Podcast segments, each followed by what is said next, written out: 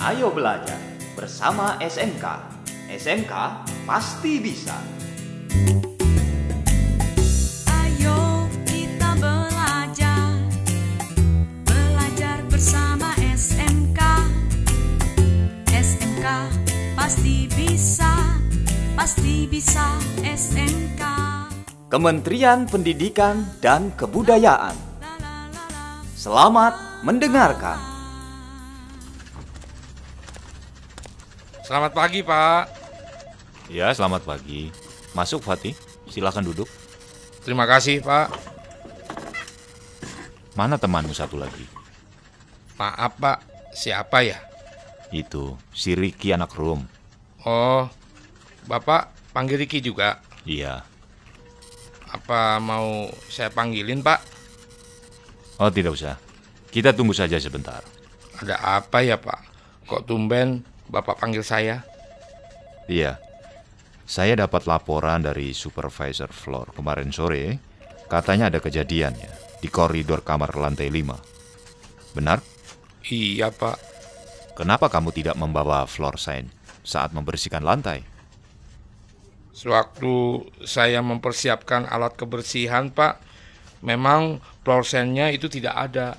Saya tidak sempat cari karena supervisor floor sudah menyuruh saya segera membersihkan lantai yang dekat kolam renang itu, Pak. Oke kalau begitu. Kamu jangan mengulangi lagi cara kerja yang tidak sesuai dengan SOP. Ingat, itu membahayakan orang lain.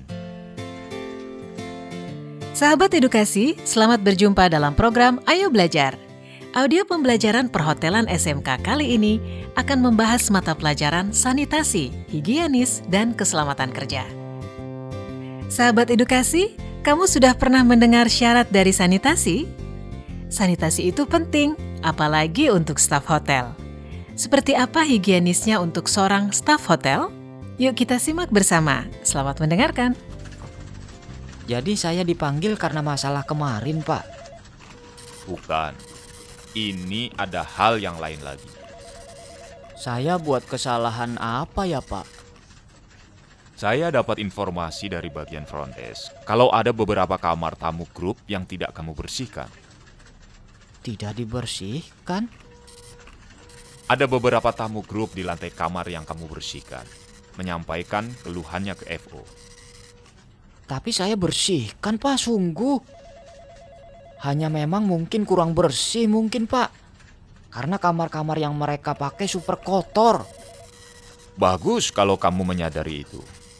Ya memang kalau membersihkan kamar tamu grup, tingkat kekotorannya itu lebih banyak dari tamu biasa. Benar sih, Pak. Iya, kebersihan suatu kamar hotel merupakan hal yang utama buat tamu. Itu kunci keberhasilan bagian kita. Ya, namanya housekeeping identik dengan kebersihan, kerapihan, keindahan, dan kenyamanan tamu selama tinggal di hotel kita. Mengerti? Iya, Pak, mengerti. Maaf ya, Pak.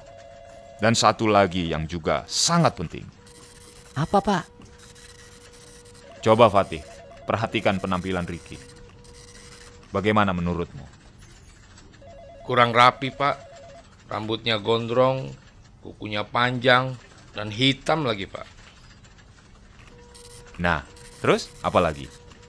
Maaf ya, Riki. Aroma badan kamu kurang enak. Maaf, Pak. Saya belum sempat merapikan diri. Lagian deodoran saya juga habis, Pak. Saya belum sempat beli. Tapi saya pakai minyak wangi, Pak. Sungguh. Hmm. Ampun deh kamu Kiki. Hal seperti itu kok kamu sepelekan sih? Sahabat edukasi, petugas hotel harus menggunakan pakaian atau seragam yang sesuai standar kerja di areanya. Mereka harus bersih, steril, dan sehat fisik maupun mental.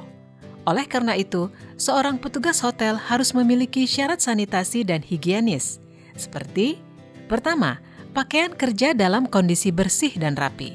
Kedua, tidak menggunakan aksesoris secara berlebihan. Ketiga, tidak menggunakan pengharum badan yang baunya terlalu tajam dan menyengat. Keempat, saat akan menyajikan makanan, Makanan diperiksa untuk menghindari adanya kotoran debu atau rambut pada makanan. Dan yang terakhir yaitu jagalah sanitasi dan higienis barang dan peralatan kerja. Penampilan rapih dan bersih ditunjang dengan sikap yang ramah dan sopan akan membantu petugas hotel dalam memberikan pelayanan yang memuaskan kepada tamu. Mandi dua kali sehari pastilah bersih. Mandi sekali sehari kemungkinan bersih. Mandi sekali seminggu jangan harap bersih. Terus semangat belajar, sampai jumpa di lain waktu dengan topik yang berbeda dengan acara yang sama. Sampai jumpa lagi. Terima kasih. Ayo belajar bersama SMK. SMK pasti bisa.